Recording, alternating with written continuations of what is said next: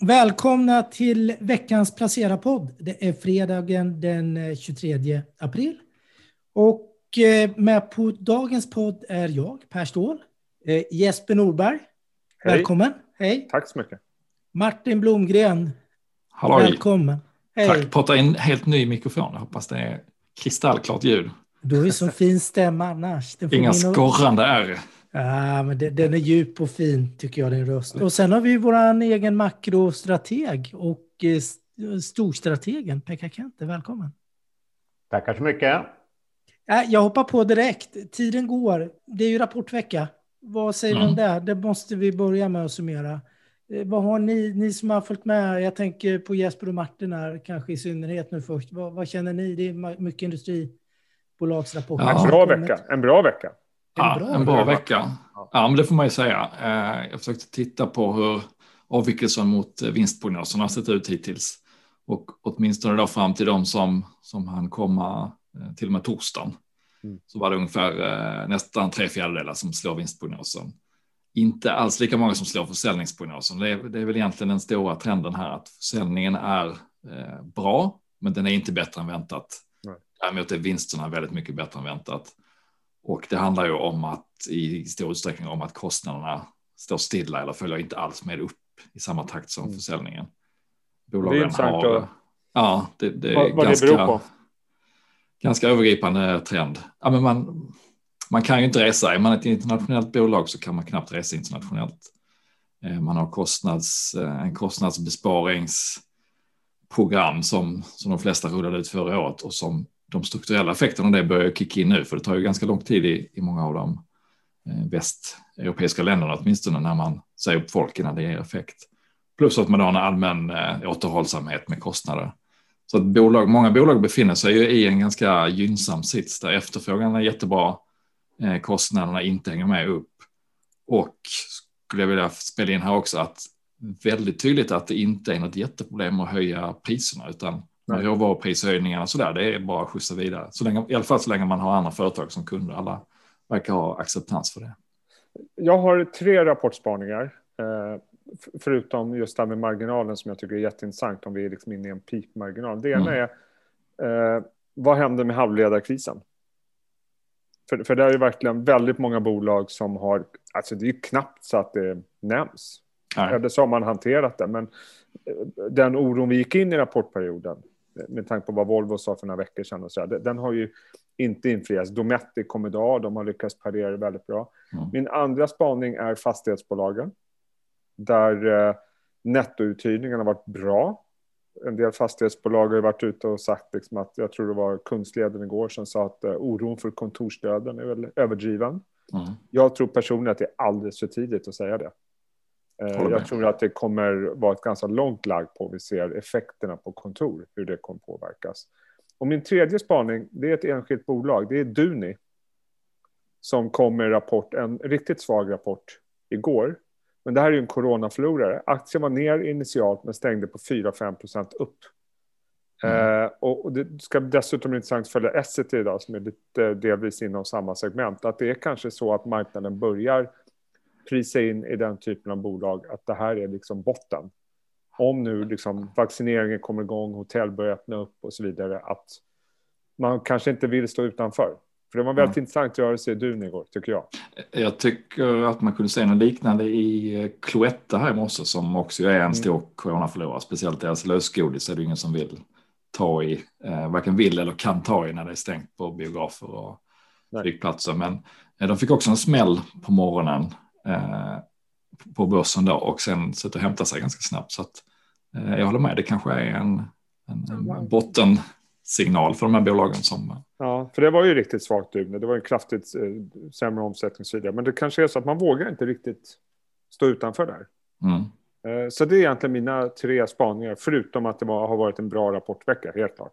Mm. Framförallt på resultatsidan. Då. Innan vi lämnar kostnaderna helt så skulle jag vilja också ta, eller kommer jag också ta med mig från de bolag jag har tittat på och lyssnat på att, att det kommer ju se ganska likartat ut i andra kvartalet och en bit in i tredje. Eftersom man mm. fortfarande inte kan resa eh, och eftersom man fortfarande håller igen på, på aktiviteter så kommer kostnaderna att, att vara låga även i andra kvartalet och en bra bit in i tredje. Mm. Vilket skulle ju tala för att vinstprognoserna för helåret kan justeras upp lite. Ja, precis. Och, och sen blir nyckelfrågan hur långt kommer marknaden att titta? Kommer man att vara nöjd med att även Q2 och Q3 blir bra eller kommer man mm. att säga att nu är det as good as it gets?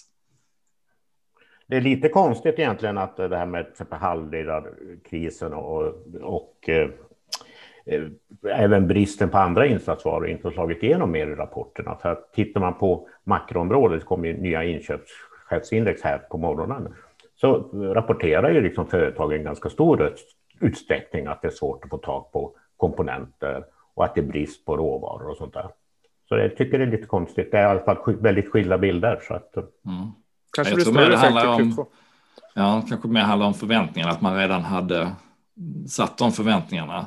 Eftersom mm. till exempel Volvo var ute och pratade om två till fyra stoppveckor. Och, eh, och sen när de nu i rapporten då förklarar eh, resonemanget bakom det så handlar det ju om att, att stoppa upp för att fylla upp systemet igen så att man kan efter de här två, tre veckorna, man kan förklara för kunderna att nu är det de här leveranstiderna som gäller och nu fyller vi upp systemet med komponenter och sen tutar vi och kör igen. Mm. Så att i, i någon slags ansvarsfull eh, hantering av det och ja, där alla är i en uppåtgående trend så, så finns det väl en större förståelse för det. Ja, det syns ju också på, på om, vi tar de här inköpschefsindex som kom, det är att orderstockarna fortsätter att växa. Liksom. Och man kanske inte riktigt hinner med liksom, efterfrågan. Nej. Så att det är ju, byggs upp en, en stor orderstock liksom, som ska betas av här. Så borde ju vara positivt på sikt. Då, mm. När man väl löser de här akuta problemen. Sen är man ju alltid orolig för någonting. Då börjar man ju oroa sig för om det är luft i de här orderstockarna. Om, om företagen lägger beställningar för att eh, hinna före andra snarare att de vill ha allting de beställer. Så att eh, man får aldrig vara riktigt bekväm. Nej, nej. Nej, så Men, är det. Ska vi räkna med att Q2 kommer att bli ett bra kvartal också känns det som. Ja. Det är väl det som marknaden börjar prisa in. Ja, väl en liten intressant annan spaning tänkte jag på som inte kanske just här till Stockholm, men det är ju lyxsektorn som vi vet. Jag gillar ju den, men den, de har rapporterat, kommit tre rapporter i veckan. LVMH, Kering och Hermes. Alla har varit brutalt starka, slagit förväntningarna med råge på försäljningen. Eh, och eh, flera av bolagen är, är, faktiskt tillbaka på 2019 års nivå nu på Q1. Så det, man har bara tappat ett år med eh, viss nedgång då och eh, det är enormt stark. Den är, jag tänker på det Pekka, det är enormt ojämn, efterfrågan är enormt ojämn i alla de här bolagen i samma mönster. Det är enormt tryck borta i Asien, eh, runt Kina där. Eh, en enorm försäljningsutveckling, medan den laggar ju då i Europa, något otroligt då. Eh, så vi får se, det blir spännande att se, men det, folk har börjat shoppa i alla fall nu. Eh. Vad tror du Per, är det ett uppdämt behov av att eh, belöna sig eller? Eh? Uh, jag, jag, vet inte. Nu, nu, var det ju lite Hugo Boss. De här rena klädtillverkarna har gått jättedåligt, typ Hugo Boss, så det kan man förstå. Vi är målgruppen, vi går inte till kontoren, vi behöver inte ha en snygg kostym. Och vi går inte på middag, så vi behöver inte ha några snygga kläder heller. Så det, det, där finns det väl säkert ett uppdämt behov. LVM, de, det har varit mycket läderprodukter man har köpt och det verkar man kunna köpa utan att man ska ut och visa upp sig. Då. Så, mm. Vi får ju se, men det spås en stor stark efterfrågan och medelklassen växer borta i Kina, i Asien. Jag vet du Jesper hade ju en intervju tidigare, om det var förra veckan, eh, med Fidelity, deras Kina-strateg. Det, det, ja. det är en enorm... Det kommer så enormt, det skapas enormt mycket pengar där borta. Ja en enorm stor efterfrågan på de här produkterna.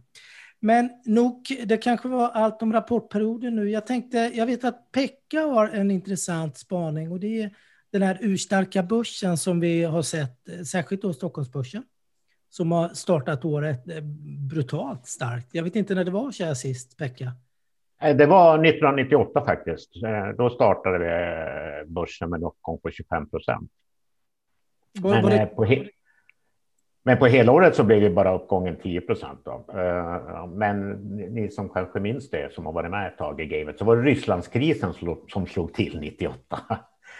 Som fick eh, investerarna att dra öronen åt sig. Så att det är inte direkt jämförbart. Men vi har väl många liksom liknande krishärdar, men man väljer att hantera det på ett annat sätt idag.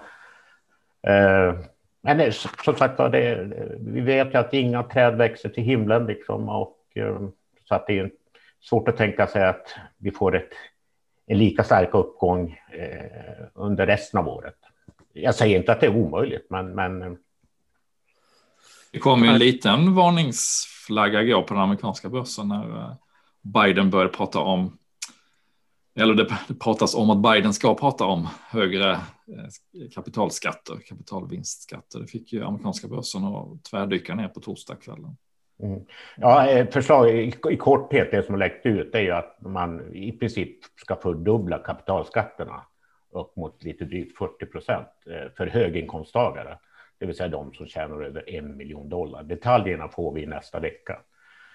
Men eh, ja, den kortsiktiga effekten skulle då kunna tänkas vara att eh, de som har gjort som har hög, höga ackumulerade vinster eh, väljer att eh, realisera dem innan årsskiftet. Då, om, då får man den lägre skattesatsen. Då. Så det är ju en kortsiktig effekt, negativ effekt i alla fall. Så det kan ju bli lite jobbigt framåt hösten då. Om, om nu han får igenom de här skattehöjningarna. Det är, det är långt ifrån säkert. Det måste ju vara många som sitter på ganska stadiga vinster efter de här goda åren. Verkligen. Ja, ja verkligen. Men, men det är lite intressant för att en bra rapportperiod, vinstestimaten ska väl upp och det ska ju rent teoretiskt gynna börsen. Samtidigt finns det ju signaler på vissa håll och kanter. Eh, du Martin skrev ju om SPAC-index med ner vad är det, 20 procent från toppen. Ja, 25-30 nästan. Du har eh, det här eh, IPO-ETFen, Renaissance, som är ner 20 procent mm. sen toppen. Så det finns ju vissa områden, de här riktiga, ska man säga, jag ska inte kalla det högrisk, men som har varit lite mer spekulativa. Där har det faktiskt Bitcoin är väl ner 20, Bitcoin 20-25 procent. Bitcoin, så att du har ju vissa områden där det finns, eh, har gått ner ganska rejält, ganska obemärkt på många, tycker jag. Så att, eh, ja, det är svårtolkat som vanligt, men i grunden med en bra Q1, en bra Q2, vinstestimaten ska upp. Så är det väl. Mm. Jag menar, det, är väl, det är väl inte fel om det blir en liten tillnyktring på en del av de eh, mest heta delarna av marknaden. Nej, det är inte helt fel. Men något annat som också har gått ner, det är ju räntefokuset, den här räntechocken ja. eller räntefrossan som var bara för några veckor sedan har ju klingat av helt nu. Det pratar man inte alls om. Nej, och vad beror det på? Vet man varför den... Varför försvann ränteuppgången? Vad hände, Pekka? Man, man famlar väl lite i, i mörkret när det gäller vad som drev den. Det som man kan konstatera det var att eh, räntenedgången startade med att eh, det presenterades en monstersiffra när det gällde amerikansk detaljhandel. Så att eh, jättekonstigt att den startade precis när, när, när så att säga, ekonomin visar riktiga, riktigt starka tecken. Men eh, troligtvis eh, en, en, aptit från, en ökad aptit från utlandet att ligga i amerikanska statspapper. Man eh, tror inte längre på, eh, man litar på att Federal Reserve inte stramar åt i, i någon gång i närtid ja, det finns väl massa delförklaringar. Det, var, det, det, det som förvånade mest det var ju hur, hur räntenedgången startade egentligen. Men vad händer på centralbanksfokus annars? Du säger att Federal Reserve, det tror man att de kommer kunna hantera det här. Riksbanken och ECB, vad, vad är tongångarna nu? Ja, ECB kom ju igår och, och den, eh, det beskedet kan väl sammanfattas att det var det mest ointressanta som jag har upplevt under min tid som centralbanksanalytiker. Att eh, Bloomberg News rubrik sa det mesta. De, eh, de, rubriken var ungefär att ECB diskuterade inte åtstramningar. Och jag tror inte du kan hitta en analytiker över hela världen som hade räknat med att ECB skulle diskutera åtstramningar. Så att eh, de ligger ju, eh, i princip alla centralbanker ligger still liksom, för tillfället. Och Riksbanken lär inte komma med några större nyheter i nästa vecka och inte heller Federal Reserve. Men, men eh, Pekka, någonting vi har pratat om förut, det här med hur centralbankerna ska agera. Med, med tanke på hur den amerikanska statsskulden ser ut. Eh, hur oberoende kan Fed vara med, med räntehöjningar? För de, konsekvenserna kan ju bli ganska ödesdigra om de börjar trappa upp räntehöjningarna framöver. De är oberoende i sitt beslut, men det är ju en faktor som de måste ta hänsyn till vid mm. sitt beslut. Eh, nej, det är, inte så att Biden kan säga åt Powell att nej, nej. får inte höja räntan. Utan nej, de, de, är, de får i praktiken eh, betraktas som helt oberoende. Men det är ju en faktor att ta hänsyn till. För att Vilket försvårar allting. Om vi ja, får en det... brinnande högkonjunktur och, och de höjer räntan så vet de ju vad konsekvenserna blir. Ja, definitivt. Alltså en, en högre ränta dämpar ju dels konjunkturen och dels så kommer den ju troligtvis att, att få negativ effekt på finansmarknaden. Så, att, eh, så jag tycker att de går en riktig balansgång här framöver. Det, man kan ju säga att det måste till en åtstramning vid något läge. Och när den diskussionen kommer så kommer vi få den här tapering-diskussionen vi hade 2013. Där Bernanke började flagga för det och vi fick en ganska stark negativ reaktion på börsen. Men jag har tänkt på en annan sak som har dykt upp i veckan som varit lite under radarn på något sätt på finansmarknaden. Det är ju att alla tre stora världsledare får man väl säga varit ute och pratat extremt starkt om miljön nu. Biden har varit ute i veckan. Kinas president har också varit ute i veckan och även Putin faktiskt. Det har kommit bort i sitt tal till nationen i, i veckan där, västrapporteringen var mest på Ukraina-gränsen. Men han var också jättetydlig med att de ska eh, följa Parisavtalet och påskynda det hela nu då. Och det känns som alla vill, man vill påskynda den här hela miljöomställningen. I min värld säger det när jag pratar med de som sköter miljöfonderna, att det, det, är så brutalt mycket pengar som måste investeras för att uppnå det här. Kan det på något sätt stöka till både räntemarknaden och förlänga konjunkturen ytterligare? Och eh, jag har inte sett den diskussionen än riktigt, att mm. man har trickat ner det, att det skulle kunna driva på jättemycket. Det kommer också eh, detaljer i den här EUs taxonomi som då ska avgöra vilka investeringar som är hållbara den här veckan. Så, och, och man såg ju faktiskt effekt direkt på eh, många av eh, de här miljöbolagen. Vestas och, och ett helt gäng andra som stack iväg i, det var väl på torsdagen, onsdagen eller torsdagen mm. när både Biden och det här taxonomin kom. Mm. Så att kanske är det en revival för många av de här bolagen som var superheta förra året men har haft en rätt så trött start på det här året. För trenden i sig är ju, den är ju liksom, kommer ju vara med oss i decennier. Och, och det Rimligtvis finns ett... kommer flödena vara stora. De har ju varit brutala ja. tidigare. Och till ett begränsat antal bolag som, ja. som kan klassificeras som investerbara då, så är det ju utbud och efterfrågan. Och då blir ja. värderingarna sekundära ibland, vilket man kan klia sig i huvudet för, men eh, så är det ju. Ja, det är ju den positiva sidan av, av de skattehöjningar som Biden lanserade. Då. Det är ju att det ska gå till infrastruktur och miljöinvesteringar. Så att eh, drivs de igenom så, så kommer det gynna, definitivt att gynna delar av börsen. Jag tänkte bara om vi tittar, det, där, det är ju en extremt lång puck jag lyfte upp nu, men om vi tittar på någon kort puck, något som brukar påverka också börserna, det är ju inköpschefsindex, ISM-siffror, allt det här. Vad ligger på agendan där, Pekka? Ja, de eh, kom ju för eh, Europa i, nu på förmiddagen och eh, det var ju lite grann som väntat. Industrikonjunkturen i EMU-området är jättestark, men på grund av smittspridning och, och fortsatta restriktioner så, så dröjer ju lyftet i tjänstesektorn. Men de hankar sig trots allt över det här magiska 50-strecket som är liksom gränsen mellan tillväxt och nedgång. Men det var med väldigt knapp marginal i tjänstesektorn. Den st stora positiva överraskningen, och det var i Storbritannien, där inköpschefsindexerna var jättestarka. Ingen överraskning för oss, det har vi pratat om flera veckor, att det är UK som är hetast. Ja, det visar ju på liksom eh, vad som kan hända med, med konjunkturen när, när man får fart på vaccineringen även i övriga delar, delar av Europa. Så det positiv framtidsbild, definitivt. Eh, lite trögt för tjänstesektorn just nu.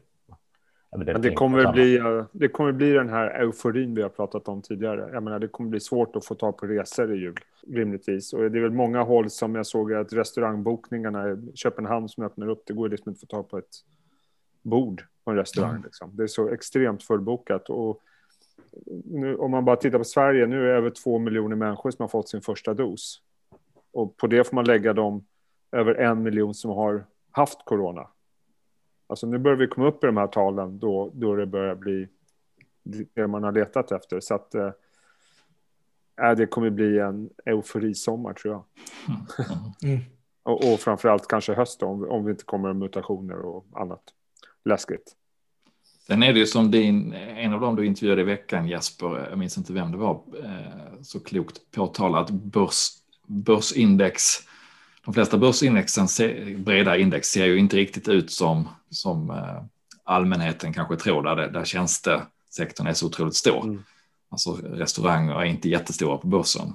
Så de som har tagit mest stryk under pandemin och som kanske blir vinnare nu är inte alltid de som väger tungt på börsen, utan det är Nej. mycket, speciellt i Sverige, bank och industri Just det. Det, det är lätt att få en, en lite eh, feltiltad bild av vad att, varför börsen gör på ett visst sätt när ekonomin gör på ett annat sätt. Exakt. Det, det ska man ha med sig. Vi har ganska få sådana bolag som är riktiga coronaförlorare. Liksom. Det är inte så jättemånga. De väger inte speciellt tungt. Det gör de inte. Nej, utan det är många småbolag. Ja, men stycken. Eh, det är väl som vanligt. Titta lite på utländska restaurangkedjor och resebolag och sånt där. För jag tror det kommer tuffa på ganska ordentligt här från sommaren. Eh, rimligtvis. Eh, helt klart. Ja, tuffa på. Och det är rapportperiod nästa vecka också, eller hur? Ja, nästan ännu mer intensivt. Ja. Eh, väldigt intressant. Skiftade kanske lite mer mot eh, bank. Det var en av storbankerna som kommit, så att nästa vecka blir det kanske lite och mer bank ju... småbolag allt fler småbolag. Ja. Och småbolagsindex har ju laggat mot storbolagsindex. Nu har småbolag fått lite mer skjuts igen här sista tiden. Men den blir jätteintressant att följa. Där, där eh, storbolagen har gått väldigt bra under året. Kan småbolagen komma in med bra rapporter kanske de får ytterligare lite vind i seglen. Det är intressant att se om de är lika, har lika lätt att föra vidare prishöjningar. För att det mm. kan man ju tänka att ett storbolag annars lite lättare bara kan eh, trumla fram som en ångvält medan ett mindre bolag måste klampa lite försiktigare. Ja, nej, väldigt intressant som vanligt. Intensivt. Ja. Det att vi vilar upp oss. Och, och, nästa vecka kommer flera av de stora fangbolagen. Får vi lite. Ja, vi har ju haft några av dem, men det kommer fler. Det kommer Apple kommer eh, bland mm. annat. Så det tror jag också kan bli hetta upp intresset för, eh, för börsen. Och det ska Absolut. bli intressant att se vad de guidar också. Med, eh, och då kanske vi får svar på lite halvledarfrågor där också. Ja, vi har inte fått så jättemycket Nej. svar än. Det blir väldigt intressant. Är det några andra rapporter som kommer nästa vecka som är av intresse? Eller det är så himla mycket förresten. Ja, vi återkommer nästa vecka om det. Jag eh, tycker vi tar helg faktiskt nu. Ja, det gör vi. Och vi la upp det som jag sa förra gången. Det är många rapporter nästa vecka. Får ge mycket energi och frisk luft. Det låter jätteklokt. Tack så mycket. Tack till alla som har lyssnat. Tack och hej. Tack, hej. Hej då.